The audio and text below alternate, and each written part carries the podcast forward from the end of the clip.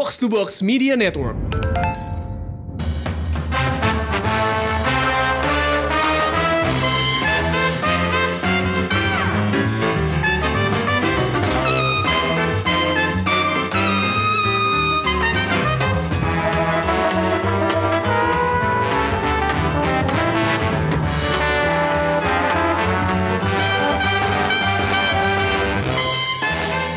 Selamat datang di Showbox Podcast bersama gua Angga Dan gue ini dan kita berdua aja hari ini. Karena Lisa lagi keluar kota Tugas negara lagi. Gantian Yes. gini ya, kemarin gue nggak bisa. Iya nih gue Sementara gue udah terus Kapan gue jalan-jalan Ya, emang suka begitu deh eh, karena kita tiga-tiganya lagi ribet banget nih.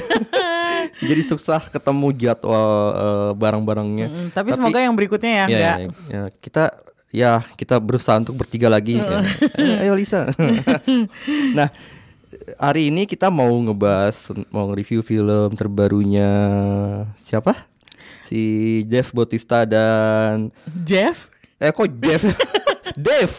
Dave Dev Bautista dan siapa? Satu lagi eh, Kumail Nanjiani. Nanjiani dan Iko Uwais. Iya dong Dan judulnya Stuber.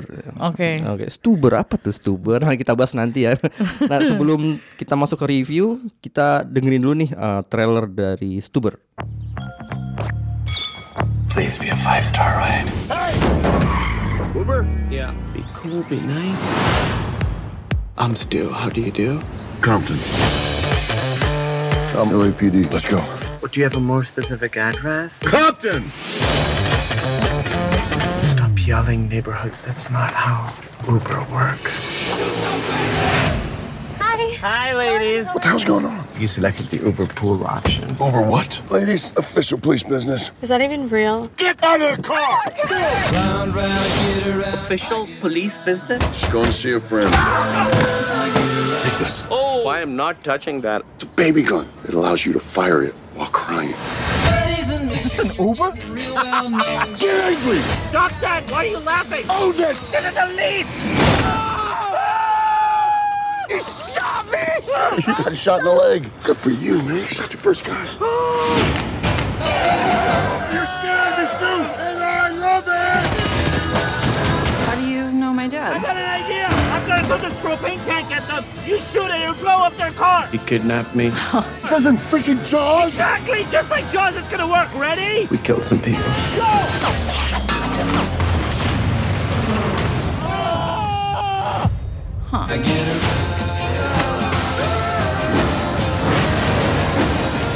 Take a shot, Stu! Just defeat him! Stu, take a shot!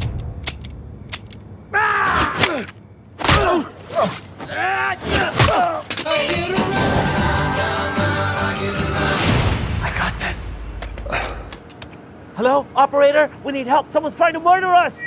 Hello, operator? We need help! Someone's trying to murder us!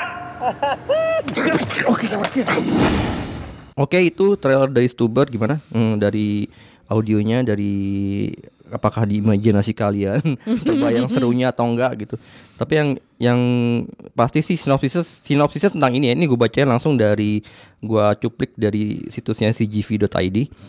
Stuber berkisah tentang seorang pengemudi Uber yang lugu bernama Stu mengambil pesanan se- eh, seorang de- detektif yang bergerak di jalur teroris sadis dan membawa dirinya dalam keadaan yang mengerikan di mana ia harus menjaga dirinya agar tidak terluka dan bekerja dengan baik agar mendapatkan rating tinggi dari pekerjaannya. Lima bintang ya pak, lima bintang ya pak. Khas banget ya para Aduh, driver-driver ya, itu online ini. Jadi teringat zaman dulu kita naik Uber ya Ya sekarang naik Grab juga masih gitu sih Sekarang udah nggak ada Uber kan di sini. Iya udah gak ada Iya, iya, Hmm. itu yang membuat- Sayang banget Sayang banget ya. Nah, gue nonton kem- eh, ini agak lucu sebenarnya. Jadi gue nonton semalam sebenarnya eh, sebu- eh, hari Kamis malam gitu. Hari terakhir malam ter- jam Rabu terakhir. malam Eh, Kemarin eh, iya, hari Rabu malam. Oh iya. Kita rekaman Oh, hari Kamis Kita rekaman hari Kamis. Angga tanggal- lagi disorientasi sedikit nih kayaknya ini hari Kamis tanggal 25 eh, apa? Juli. Dan gue nonton hari Rabu kemarin malam cuman gue ketiduran. Ketiduran ternyata lama gitu. Jadi Oh my god berarti filmnya jelek dong gak buat lo Enggak, gue tuh emang gue Lisa tahu banget nih kalau dengerin dia. gue emang selalu sering banget ketiduran kalau nonton film malam, Oh apalagi God. jam terakhir. Dan kemarin terpaksa banget jam terakhir nontonnya karena gue gak punya waktu lagi kan.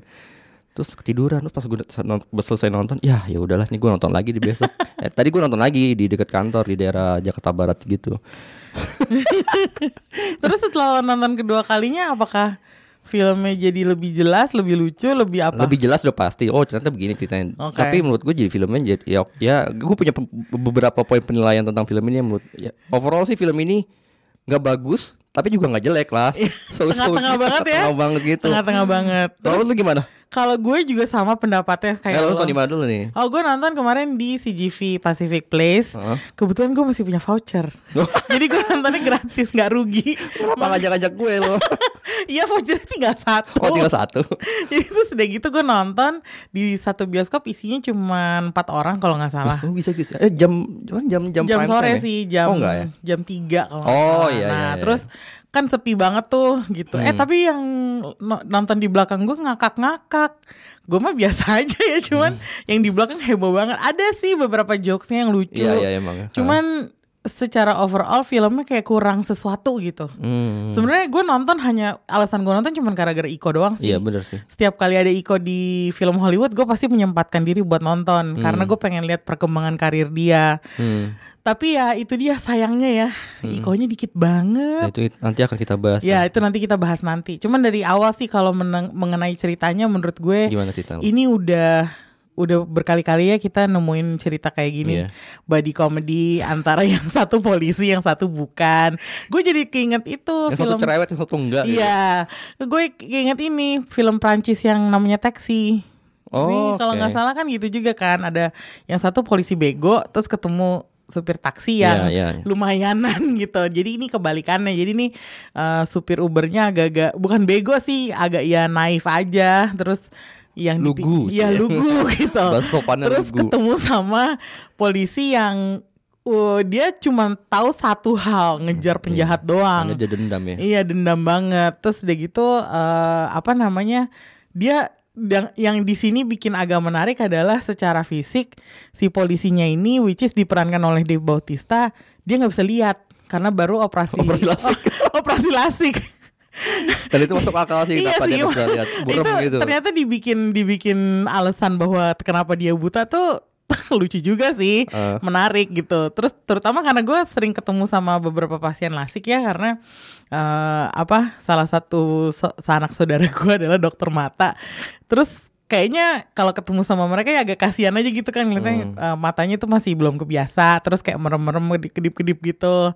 Emang sih Setahu gue merah gak sih matanya Nah, harusnya agak sih, agak Oh, merah. di Terus enggak ya? Iya, terus gitu di sini Di kayak ini enggak? dikasih kacamata tuh gue baru tahu tuh kalau Kacamatanya ini Iya. Ed- Edgar David terus udah gitu gue yang kayak oh gitu tuh ternyata kalau di Amerika operasi lasik tuh kayak gini gitu. Soalnya kayak agak beda sama yang gue lihat di sini. Atau mungkin karena gue ketemunya sama pasien-pasiennya setelah keluar dari apa udah agak lama keluar dari ruang operasi. Kan kalau kemarin kan ceritanya di film ini karakternya si Dave Bautista beneran baru keluar dari ruang operasi. Langsung dia udah pengen ngejar penjahat aja gitu kan. Ya dari situnya sih menarik ya. Cuman lagi-lagi kayak Standar tapi menarik. Iya, standar lah ya.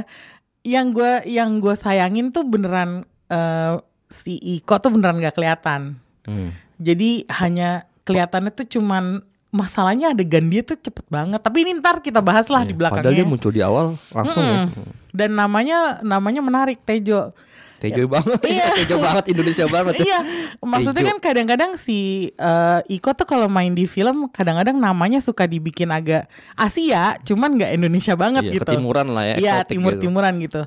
Di sini namanya Tejo loh. Gue langsung Tejonya pakai T D iya, DJ, DJ ya. jangan lama loh. Terus gue yang kayak wah bener nih siapa yang ngasih nama nih? Jangan-jangan Iko sendiri nih yang ngasih nama. Gue nggak tahu sih. Nah kalau gue pertama kali tahu tahu film ini tuh gara-garanya teman kantor gue diundang nonton press screening film ini yang sebenarnya udah berlangsung dua mi- berapa minggu yang lalu gitu ya. Jauh sebelum film tayang uh, hari Rabu kemarin tanggal 24. Pas gue denger nonton apa lu? Filmnya Iko yang baru Stuber. Hah, Apaan tuh Stuber? Terus habis itu gue cari tuh di Google Translate ataupun uh, kamus-kamus slang bahasa Indo bahasa Amerika gitu. nggak ada artinya. Oh, ya, lumayan bikin penasaran Stuber. Walaupun dibilang catchy pun ya nggak terlalu gitu. Dan pas nonton filmnya, oh ternyata Stuber tentang itu, tentang si Stu Supir eh, Uber. supir Uber gitu. Dan sayangnya menurut gua dengan dia punya nama Stu, eh, dipanggil Stuber dan judulnya Stuber, tapi sebenarnya porsi di film ini pun eh, rada imbang ya antara Stuber bahkan sebenarnya nih yang mempunyai, menurut gue ya mempunyai konflik paling mendorong film ini adalah si Victornya kan Iya bukan sih, Stubernya iya, gitu. iya, iya. Jadi gue rada rada cukup mempertanyakan kenapa judulnya Stuber ya gitu. Kenapa Dan- bukan Victor gitu ya? Victor atau mungkin judul lain yang merepresentasikan mereka Iya, berdua iya, kayak iya. Rush Hour dulu kan si Jackie Chan dan Chris Tucker gitu Iya iya iya. Terus itu terus eh, dan yang ini dari segi teknis ya gue nggak tahu eh, mungkin gue perlu pandangan mata ini pembuktian dari lu juga. Selama gue nonton itu entah kenapa banyak banget kon, eh, shot-shot ada dalam adeg- adegan yang nggak continuity-nya nggak jalan gitu. Iya agak sih. Iya kan? Kayak misal ada satu adegan misalnya mereka lagi beku tembak terus si eh, siapa? Si Victornya yang tadinya matanya apa pak ke- kepalanya memadap ke arah depan gitu ya. Terus ketika kamera shotnya berpindah gitu ya harusnya kan dia masih ke depan nih ini enggak dia udah ke kiri gitu itu banyak banget tuh ketemu adegan-adegan kayak gitu dengan shot-shot seperti itu kayak nggak rapi aja nih ininya Banyak hal sih. kecil gitu Terutama yang di klinik hewan ya. Nah, itu. Itu maksud gue ya, baku tembak di klinik hewan Iya, tuh. iya itu banyak banget hal-hal yang kalau menurut gue rada janggal ya. Contohnya Hmm. kayak kemarin gue notice kayak kok kandangnya kelihatan kosong. Padahal setahu gue nggak semua binatang dikeluarin dari kandang untuk diajak Iya, jalan-jalan. Terus tiba-tiba udah ada kucing aja na- eh, nangkring di atas eh, mayat orang gitu. Itu datangnya dari mana dan kok mereka bisa nggak kena? Hmm. Padahal tuh tembakannya tuh gue lihat arahnya tuh nggak kayak random gitu kan Iya, kalau kayak gitu bisa kan kena satu iya satu jadi ya. kayak beneran ya nggak kita tahu lah ini film gitu cuman kita tahu dalam film itu memang ada hal-hal yang nggak realistis gitu. Cuman agak aneh aja gitu kalau lo bikin suatu adegan di dalam tem- ruang tertutup yang elemen-elemennya tuh nyata banget gitu jelas banget. Kayak kandang hewan itu yang tadinya penuh berisi hewan terus tiba-tiba kandangnya bisa kosong. Eh nggak taunya di antara kekosongan itu sempat ada hewan yang keluar gitu. Jadi binatang-binatangnya ada yang udah di luar aja gitu. Datangnya dari mana?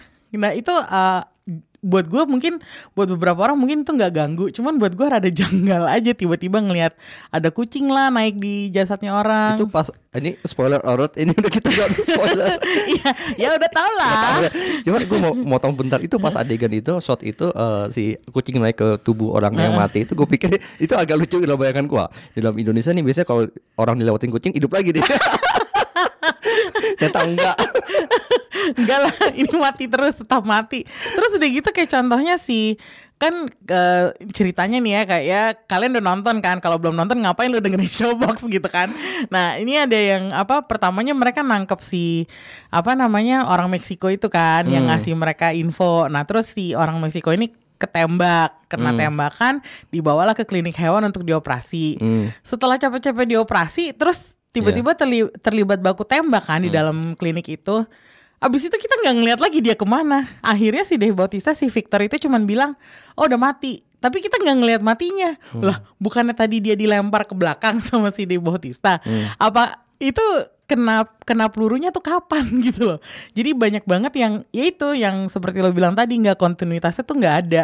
Tiba-tiba udah hilang aja atau tiba-tiba muncul aja. nggak ada apa ya, nggak ada babi bu, nggak ada peringatan, nggak ada apa. Tiba-tiba udah hilang atau muncul aja gitu dan itu lumayan ganggu sih karena adegan fightingnya di sini kan lumayan banyak ya. Yang pertama eh, itu aja udah dibuka dengan fight scene di hotel. Terus abis itu kita dapat yang baku tembak di klinik hewan. Iya. Terus ntar di belakangnya ada lagi banyak banget gitu. Jadi gue udah curiga nih, wah pasti nih koreografinya nggak rapi nih. Gue nggak tahu siapa yang koreografin dan gue yakin tuh bukan Iko. Hmm, iya kelihatan sih kalau menurut gue sih bukan Iko Iya juga. makanya. Dan kalau dari segi plot ya ent- eh, agak disayangkan karena ini kan sebenarnya standar banget ya seorang polisi veteran gitu ya hampir udah tua hampir tua ya udah udah inilah udah berumur dia dendam gitu kan terus dia harus menemukan musuhnya yang bunuh partnernya dan akhirnya ketemu dengan seorang eh, partner yang baru yang tidak disangka-sangka gitu.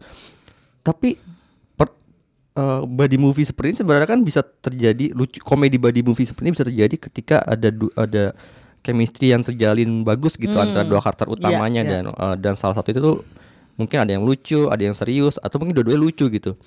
Eh, di film ini tuh enggak gitu eh Kurang ya. kurang si kalau menurut gua si pemain si pemeran Stu si Kumail Nanjiani. Kumail Nanjiani ini ini mukanya masih terlalu eh, sopan buat orang yang noisy gitu loh. Jadi masih terlalu sopan. Kadang-kadang eh, cerewetnya oke lah cerewet, cuman cerewetnya nggak nggak nggak semengganggu Chris Tucker gitu. Oh iya itu sih ganggu banget sih. Itu ganggu banget ya.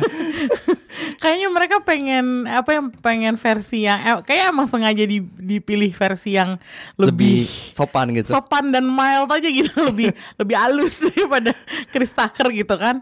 Kalau gue inget banget dulu nonton Chris Tucker sama Jackie Chan barengan itu kayak asli. Gue gedek banget sih itu. Gede banget ya. Iya, kalau yang ini gue masih nah karakternya karakternya si Kumail Nanjiani di sini likable lah. Gue lumayan suka sih sama Stu. Meskipun nggak nggak gimana-gimana banget ya, cuman menurut gue karakternya likable. Iya, itu gue Eh, setuju. Victor yang malah nye- lebih nyebelin nih. Gue nggak pernah ngeliat Dave Bautista.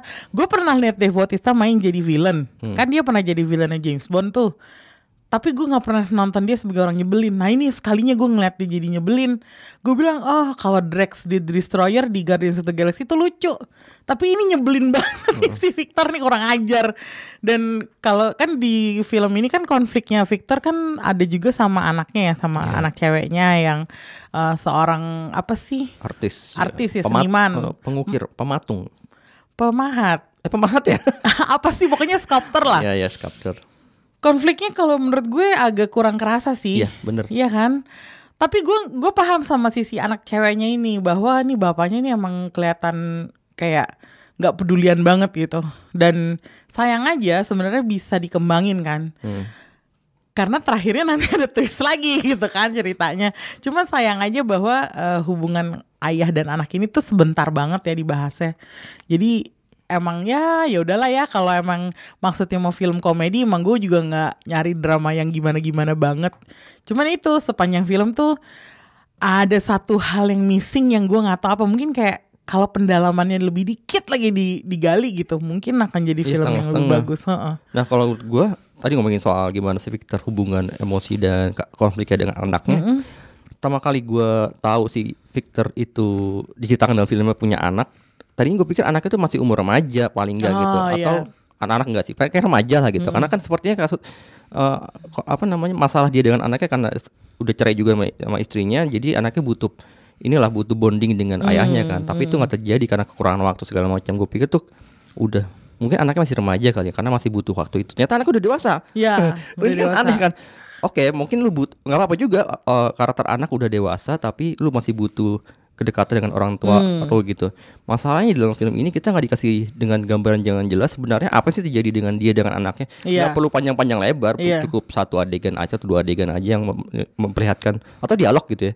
Masalah apa yang membuat mereka sampai Iya. eh, sejarak berjarak seperti itu gitu kan walaupun sebenarnya mereka masih pengen deket ini yang membuat gue juga mikir ini yang satu sisi eh, Victor dengan dunianya itu sebenarnya pernah ada serius gitu ada serius yang membuat si Victor lucu karena dia buta ya sementara ini nggak bisa lihat jadi dia butuh bantuan Iya, kan iya.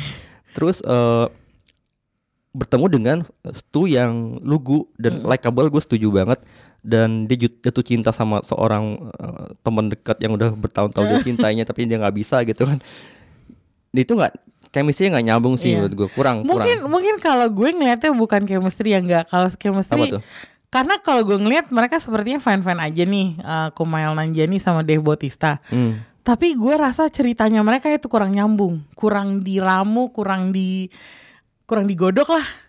Jadi kayak ada batas antara si Stu dan Vic tetap selama film tuh masih ada aja gitu. Maksudnya kayak contohnya waktu pertama kali si Stu ngajak si eh, eh si Vic ngajak Stu datang ke tempatnya yang ada bar itu loh. oh bar, Bar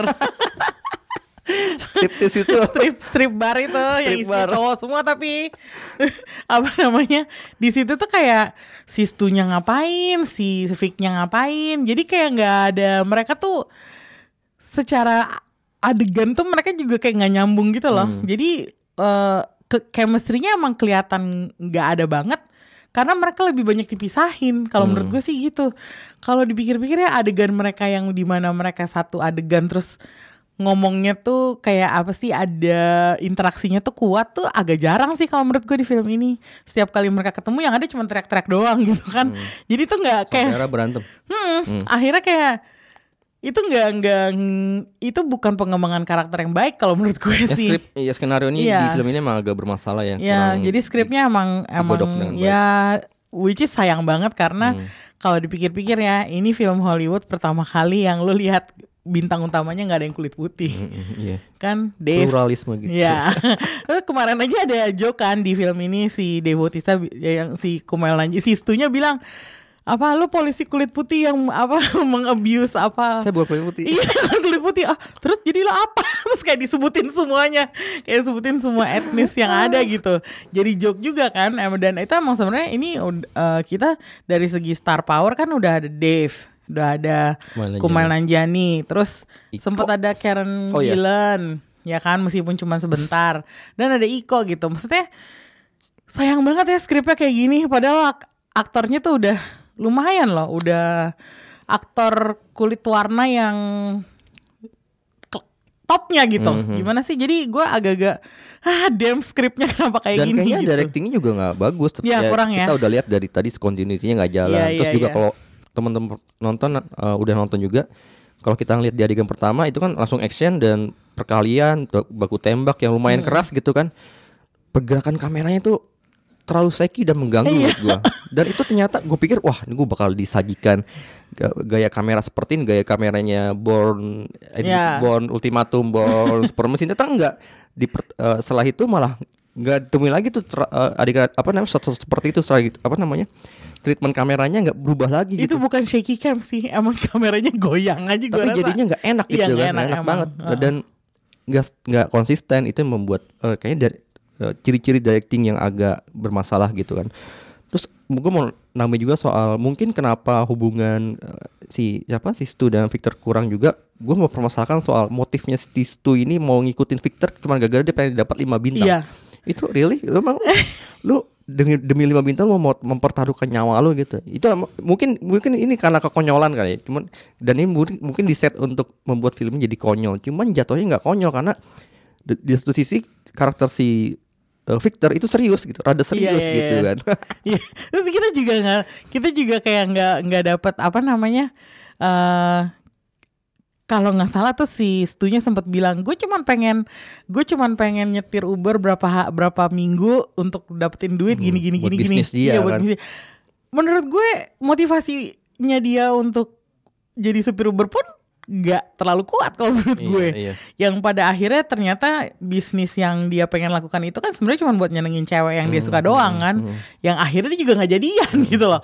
Makanya gue ini tolol banget sih cowok. Jadi cowok kok ya ada yang kayak gini Tuh lemah dengerin gitu. tuh cowok. Kalau gue juga cowok.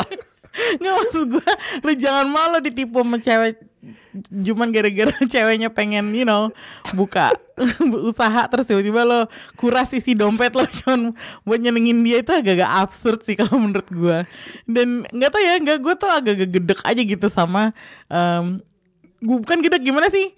Kayak lu merasa nggak sih jokes jokes tentang Uber ini udah nggak Hmm, buat gue sih udah nggak lucu lagi ya? Apa karena kita di Indonesia yang udah nggak ada Uber nggak relevan gitu, nggak kontekstual gitu. Iya kalau misalnya kalau misalnya jokesnya kayak tentang Gojek gitu misalnya sesuai aplikasi ya kak gitu Hmm. Iya. kayak gitu mungkin kita masih bakalan you know eh, nemuin kelucuan di situ tapi buat gue kayak jokes macam Uber pool apa sih itu nggak nggak kenal lagi di Hmm. gue kayak karena Uber udah ada di sini jadi gue kayak ngerasa ini lewat gitu Hmm. semua hal tentang Ubernya itu tuh sama gue jadinya nggak nyambung Hmm. makanya gue nggak merasa si Stu itu punya motivasi kuat buat nyetir tuh mobil gitu Hmm. loh kayak kalau mau aja sih nyetir jadi supir Uber eh, dan lo pengen ngikutin satu customer ini yang nyebelin banget cuman gara-gara lo takut bintang lo turun gitu Hmm. Padahal terus turun terus kan iya turun film. terus turun terus karena dia sial aja gitu turun terus.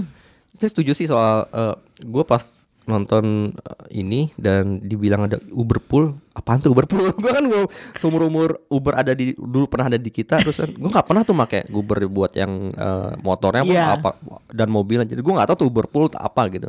Jadinya kita, kita emang ada ber- jarak lah dengan eh, narasi film ini juga dengan ngangkat soal Uber.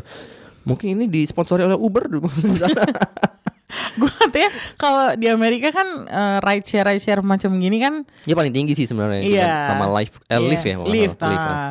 Makanya kan kalau kalau di Asia kan yang paling tinggi kalau nggak salah Grab nih. Iya, Jadi iya, gue kayak Singapura. sebenarnya se- 11 12 sih semua service ini gitu. Cuman nggak tahu kenapa mungkin karena ya udah kita udah nggak punya lagi aja Ubernya. Jadi kayak kurang enak juga gitu. Terus kalau iya kalau masih ada yang inget dulu pernah ada Uber Pool. Uber Pool juga waktu itu kan servisnya ada belakangan kan baru ada. Uber Pool itu emang seperti dalam film ini Iya, jadi lo bisa kayak berbagi gitu. berbagi kendaraan dengan orang lain supaya biayanya lebih murah. Which is aneh sih kalau menurut gue. Ada juga sebenarnya di kelay- layanan-layanan. Iya, iya website ada, gitu ada. gitu Sekarang juga. ada. Hmm.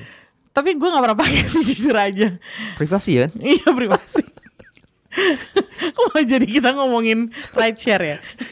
Tapi ya eh, itu soal berjarak dengan dengan Uber itu sendiri jadi membuat film ini pun eh, narasinya nggak terlalu nyambung dengan kita gitu. Kita mungkin kalau gue pribadi eh, ketawa nonton film ini beberapa adegannya cukup lucu dan re- apa namanya? Gue cukup eh likable eh, sesu apa namanya suka dengan karakternya si Stu karena likable itu. Victor beberapa bagian gue suka karena dia ternyata eh, masih punya apa ya kepedulian lah sedikit sama Ya. anaknya gitu kan.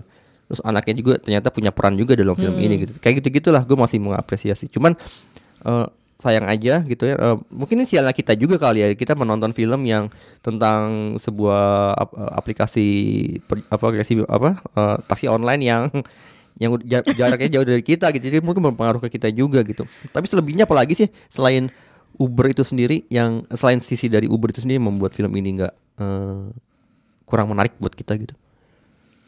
Hmm, apa ya? Apa ya? Kalau gue juga ngerasa gini kayak soal soal pemilihan mobilnya. Dia mobil elektrik. Di sini kan belum ada ya. Ada sih, tapi itu nggak nggak umum gitu. itu lucu sih mobil elektrik itu Maksudnya, di- maksudnya iya lucu, cuman sebenarnya itu bukan hal yang relevan juga di masyarakat Indonesia kan. Ya gue merasa karena gue belum pernah ngalamin naik mobil elektrik, jadi gue cuman bisa kayak oh gitu ternyata toh, oh gitu. gitu. Oh, Cuman tapi gue nggak gitu. hahaha gitu.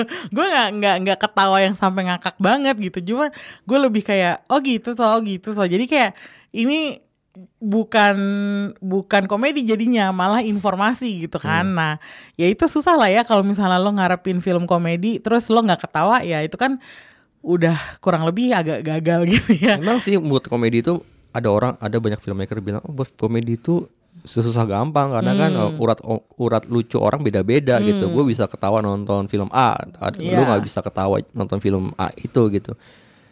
Tapi tetap harusnya ada irisan-irisan yang sama gitu Hmm. kan. Tapi memang ada irisan-irisan dalam film dalam film Stuber ini yang membuat kita sama-sama tertawa mungkin yang ya misalnya kayak soal tadi si kucing keinjek gitu yang membuat jadi tembak mungkin itu membuat orang tertawa dan itu eh kekerasan ada kekerasan di situ kan kekerasan yang kita tertawakan gitu kan. Iya.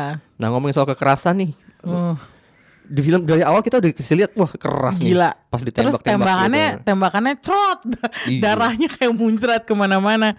Eh gue nggak ngerti nih ya kayak lu bilang tadi kan ini kan eh, sutradaranya Michael Dawes ya kalau nggak salah nama eh, namanya. Hmm, dia iya, bukan Michael sutradara action yang gimana banget. Maksudnya dia juga bukan nggak kayak sutradaranya John Wick gitu ya, yang koreografinya pasti rapi Iya, dan iya. segala macam. Cuman gue ngerasa kayak kekerasannya di sini agak ada beberapa yang nggak perlu juga deh.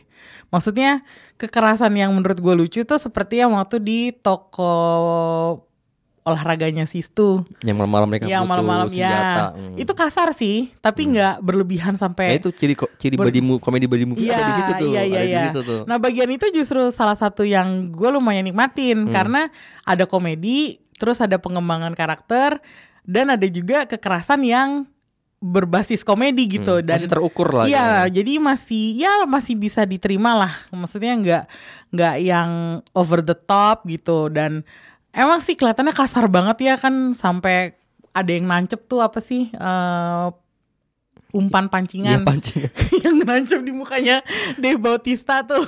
Kan itu sebenarnya sakit banget ya kalau dilihat. Cuman nggak berdarah nggak gimana. Jadi gue nontonnya tuh masih enjoy gitu. Sementara yang adegan pertama tuh yang di hotel iya sih keren ngeliatin si Iko. Kan ada adegan dia turun tuh lewat balkon Iya, di dalam hotelnya. monyet Heeh. gitu. ya itu keren banget sih adegan itu. Cuman ya itu satu-satunya adegan keren. Karena yang lain tuh cuman dar der dor tanpa ada arahan gitu loh gimana sih tanpa direksi yang tanpa direction yang handal aja kalau menurut gue Iya, emang. kayak maaf ya kayak amatiran. Itu dia kayaknya film ini direkturnya emang kurang tepat ya ngarahinnya Ya. juga. Ya kita udah tadi kita udah jelasin beberapa kelemahan teknis dalam film ini juga gitu. Kekerasan di film ini menurut gue juga nggak konsisten gitu. Di awal kita dikagetkan dengan das dadar, wah darah-darah gitu kan. Ya tadi lu bilang di adegan di dalam uh, toko serba ada gitu. Kekerasannya lucu, eh, keras juga tapi juga rada-rada nanggung gitu. Tapi tetap kita gue setuju sama lo eh gue pribadi suka tuh dengan adegan kekerasan dalam yang di di adegan di dalam rumah eh dalam toko tadi gitu tapi selebihnya enggak gitu kayak nggak konsisten seperti Iya emang gak konsisten kan? Heeh, gitu cuman ya eh jadi gue bingung sebenarnya film ini tuh apakah dia sebenarnya mau mengikuti jejak-jejak film ke- keras yang yang mau nggak mau kita harus nyebut The Raid yang The Raid gitu. Karena itu kan salah satu film yang membuat eh, gelombang baru film-film action yang lumayan keras gitu kan. Terutama ada Iko-nya juga kan. Di filmnya ada Iko.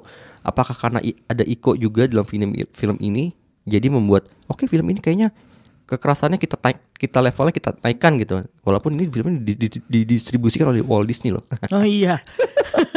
Betul. Disney tapi mendistribusikan film-film 17 tahun ke atas Tapi ini produksinya produksi Oh iya, Fox. iya, Jadi di Fox sih. ini kan lengseran ceritanya. Tapi bener juga sih enggak karena kalau menurut gue nggak hanya si Iko doang ya. Dave Bautista kan juga dulunya kan Hmm. eh, art apa martial artist gitu. Iya. Maksudnya dengan adanya Dave Bautista dan adanya Iko Uwais sepertinya memang nama ini dipakai dua-duanya nama ini dipakai untuk menjanjikan violence yang tingkat tinggi gitu. Gue gak keberatan Iya. violence tingkat tinggi. Maksudnya untuk untuk film action sebagai hiburan kadang seru kan nonton film kayak gitu yang kita udah buktikan John Wick kemarin kita nikmatin banget Seru, gitu. Tapi di sini kalau menurut gue eh karena tidak terarah atau tidak terarah dengan baik, jadinya malah kita tuh kalau gue pribadi kurang enjoy nontonnya karena yang ada gue pengen ih kok gini sih, ih kok gini sih, bawaan gue tuh pengen kritik gitu. Kayak gini gak sih? Kayak ngerasa satu adegan adeg- adegan-adegan action yang kekerasan gitu keras lumayan violence terus kita meringis. Iya. tapi di adegan lain kekerasan juga violence. Tapi kita ketawa jadi itu ada konsistensi Iya, iya, iya, inkonsistensi itu Sebenarnya kalau ke- dibandingin nonton kayak kemarin lagi-lagi gue ambil contoh John Wick gitu. Iya, ya. John Wick, boleh. Eh, itu kan udah standarnya ya. Gue nonton John Wick, gue nonton John Wick tuh sebenarnya meringis juga sepanjang film gue Oh, meringis. iya, apalagi Iya kan? Tapi eh, di sana ada seninya gitu. Jadi kamera terus udah gitu eh, scoring terus kayak eh, sinematografi itu mendukung gitu. Ini tuh enggak kalau menurut gue cuman adegannya doang tapi tidak didukung dengan komponen-komponen lain yang yang bagus gitu, yang apik gitu. Contohnya kayak sinematografinya kan cuman asal dia pasang kamera doang. Hmm. Kayak zoom in, zoom out itu kayak nggak dipikirin gitu loh. Iya jadi kita kelihatan di awal adegan-adegan itu Iya. adegan awalnya dengan kameranya eh, kayak seki gitu kayak gerak-gerak Heeh. ikutin gerakan Makanya gue gue merasa kayak aduh andai kan ini di tangan sutradara yang lebih lihai ya Hmm, dengan skrip lebih bagus iya asal ya. dengan skrip yang juga lebih rapi gitu kayaknya sih bisa lebih bagus sih filmnya sayang ya padahal ada Iko Uwais loh di sini. lagi-lagi ya kita sebut nama Iko Karena dia dari ya karena dia bukan bukan dari Amerika. dari sini oke oke oke Menurut lo gimana lo Iko di film ini? Oke, sekarang kita ma- masuk ke topik Iko nih ya. Hmm, penting nih topik. Sebenarnya Iko kan bukan bukan orang baru lagi nih di Hollywood. Iya. Udah pernah main macem-macem nih Star Wars udah ya kan. Hmm. Kemarin Mal 20 itu udah Banyak di situ malah. Iya makanya dan jadi peran penjahat juga gitu. Iya. Nah yang di sini tuh gue sangat menyayangkan ini ya, ini udah capek-capek nih ngasih nama Tejo, nama Indonesia banget. Penampilannya dibikin alay lagi pakai rambut blondie nggak jelas gitu. Du- dugaan gue gini nih kayak pas direkturnya atau produser ngeliat Iko, Iko kamu terlalu cute. Oke, gue perlu ngapain lu ya supaya tampilan lu lebih serem gitu dan lebih kayak maaf gangster ditakutkan Iya, gitu. iya. Oke, warna rambut lu di Diterangin aja. diterangin. Dan gak berhasil dong. Bisa bisa bisa. Gak berhasil kan? Lu berhasil gak sih? Lu? Enggak kan? Enggak. Nggak, udah udah kayak gitu tapi screen time-nya dikit banget. Nah itu dia kayaknya Itu sia-sia porsinya sia- banget. porsi porsinya porsinya kurang gitu kan. Halo, kan kemarin ada tuh yang jadi viral tuh apa lulusan UI minta gaji berapa juta itu kan. Masa hello, ini udah lulusan the rate loh. Kenapa lu nggak kasih dia peran apa screen time yang lebih gede sih? Maksudnya gue gedek aja karena ngelihat dia cuma di di depan di adegannya pembuka sama adegan terakhir penutup. Udah gitu doang. Men, sayang gue pakai voucher gue cuman buat lihat Iko segitu. Dan kayaknya kalau kita lihat adegan action dan perkela- perkelahiannya itu gak iko banget ya. Enggak, enggak sih. Lebih berantakan, entah mungkin di setting berant- lebih kayak gitu atau tapi kan sayang ya, Sebenarnya gerakannya gerakannya Iko enggak enggak ada masalah ya. Ya namanya juga dia kan eh, martial artist ya. Jadi jelas Hmm, dia tahu apa yang dia lakukan gitu. Koreografinya sih Iya. sayang banget. Padahal ada dia lawan Dave Bautista. Itu. Gitu, kita kayak nonton film James Bond aja gitu berantem Iya. antar James Bond berantem sama lawan yang musuh lebih besar Iya, tapi gitu. ini tuh kayak nggak terkoordinir sama sekali. Nggak gue gemes banget, gemes banget. Mungkin karena gue ngefans sama Iko dan gue kan udah mendukung dia sejak dia main di Merantau ya. Maksudnya itu gue pertama kali kenal Iko bukan di The Raid loh. Gue Iya, kenal di Merantau. Merantau kan. Maksudnya kita udah ngeliatin dia sejak lama dan kita tahu apa yang dia bisa lakukan. Potensi dia tuh gede banget. Hmm. Kalau dapat sutradara yang tahu gimana cara ngarahin Iko, pasti akan keren banget. Nah, Hmm. masalahnya ini Iko tuh beneran kayak tempelan doang. Ini sangat gue sayangkan sih. Padahal perannya ha- harusnya kan gede di sini. ya, Harusnya gede untuk sih. menggerakkan cerita kan. Ya, itu kan dia yang dicari-cari sama Victor sepanjang film kan. iya, sebenarnya. iya, iya dicari-cari sama penonton di Indonesia juga kan. Hmm. Kita nonton film ini kan daya tariknya lebih ke Iko Uwais kan daripada Dave Bautista. Jujur aja sih kalau gue emang nyari Ikonya. iya, gue nonton Stuber ya karena ada ikonya iya, gitu. gitu loh. Nah, menarik kalau kita bandingkan dengan jebolan jem- lulusan-lulusan The Raid 1, The Raid 2 yang udah main di banyak film Hollywood juga kan. Hmm. Iya. Apalagi ada eh, terakhir Joe Taslim terpilih menjadi Sub-Zero gitu di Hmm. Mortal Kombat ya. eh, jadi kita ber- ya gue berpikir gila jebolannya The Raid 1, The Raid 2 ini bersinar semua loh gitu. Iya. Tapi kalau kita bandingkan sebenarnya tetap ada eh, ada yang berku- ada yang sebenarnya nggak ya kurang dimanfaatkan dengan baik di layar gitu di, Hmm. di dalam satu produksi film. Iko menurut gue salah satunya sih. Mungkin yang paling kelihatan memanfaatkan Iko tuh di film Mile 20, Mile 22 aja Iya, gitu kan. Di, 22. di film ini nggak nggak nggak dimaksimalkan dengan baik oleh direkturnya gitu. Menurut lo gimana dengan dibandingkan dengan jebolan-jebolan Raid 1 2? Kan yang paling pertama tuh yang duluan kan Joe Taslim Joe ya, ya. di Joe Fast kan langsung 6 ya. di Fast Furious kan. Terus dia dapat ini lagi eh, dialog gitu. Wow, pada pada saat itu kita udah seneng banget Iya. tuh. Udah seneng banget kan Joe dapat dialog. Terus Joe main Star Trek, Hmm. dapat dialog juga meskipun dialognya dalam bahasa asing gitu kan. Terus dia juga nggak kelihatan mukanya. ya kan? Tapi tetap aja Kayak protestik, protestik. Terus udah gitu eh, kemarin ada si Kang Cecep sama Kang Yayan Wah, kan. itu pecah sih. Nah, waktu di Star Wars pun Kang Yayan duluan yang dapat dialog, dapat line, dapat ya? kalimat. Iya Iya. ya? Hmm. Setahu gua Iko memang waktu itu katanya bahasa Inggrisnya kurang baik, tapi kalau setelah Mile 20 itu sih itu harusnya udah bukan masalah sih. Hmm. Eh, dia improve kok gitu. Dan di Mile 20 itu gue sangat menikmati penampilan dia. Iya. Satu-satunya pen- apa eh, aktor di film itu yang eh, memikat buat gue di 20 itu adalah Iko Uwais. Dan cukup berhasil di film itu untuk menunjukkan dia buat dia tuh sebenarnya berbahaya gitu ya. Iya, dan apa namanya twistnya tentang karakter dia bagus kan. Iya, iya. Jadi gue kalau bisa sih tolong dilanjutin aja itu Mal 22 gitu. Nah, Stuber ini gue punya high hopes karena kan ini udah Iko bukan bukan peran pertama Iko di Hollywood. Dia udah namanya udah terkenal sebagai koreografer juga, koreografer fighting. Tapi di sini perannya dikit banget. Itu agak sakit hati sih gue. Karena gue mengharapkan lebih dan nggak tahu ya, gue kayak merasa Iko deserve more aja Iya gitu. benar, setuju gua. Itu kan. Dan kalau dibandingin sebenarnya kan Iko tuh Iko Iko sama Kang Yayan tuh fire uh, fot- fa- apa koreografer fightingnya The Raid 1 dan 2 kan. Uh, tapi kok entah kenapa Kang Yayan pun dapat screen time-nya lebih banyak gitu. Di kemarin di mana namanya? John Wick. John Wick. Gitu. Dibandingin Iko di Stuber ini. Beneran sayang banget loh. Maksudnya kayak menyanyiakan talenta Iko Uwais gitu. Mungkin saudaranya perlu datang dulu ke Indonesia. Terus dia tahu dulu nih Iko nih sebi- sebisa apa gitu. Ya baru ntar dia kayaknya. Kayaknya kurang lama duduk bareng ngopi Iya, bareng dengan Iko sih. gitu. Jadi kurang tereksplor Iko-Ikonya. Tapi mungkin untuk portfolionya Iko film ini bagus sih nggak, maksudnya ada komedi gitu. Jadi dia nggak selalu main film action, nggak selalu main, you know, uh, peran-peran yang silat gitu, nggak selalu gitu gitu. Jadi kan Stuber kan jatuhnya maksudnya kan action komedi ya, lebih berat di komedinya sih kalau menurut gue dan actionnya mm, ya seperti yang tadi kita udah bahas kan kurang konsisten ya. Jadi mungkin kalau misalnya untuk nunjukin CV-nya Iko nih dia pernah main film apa aja, ah ada komedi, oke nih gitu. Jadi untuk dianya sih nggak rugi sih, cuman gue sayang aja dia dikit banget perannya di sini.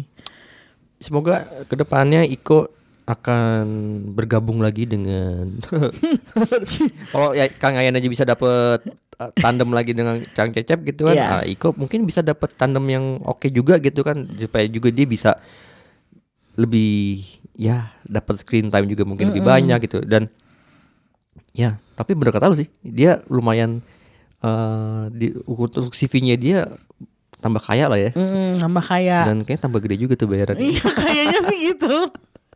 Bukan Iko kalau nggak salah Agustus besok mau ada serial Netflix Ah, ya. itu pen- itu penting sih untuk kita review ya. Angga udah merencanakan. Semoga Lisa nanti setuju. Jadi eh, trailernya baru keluar nih kemarin Iya, iya, si iya. Wu Assassins. Di situ tuh kalau menurut gue kayaknya jauh lebih ya di secara di sini produser di- juga dia ya.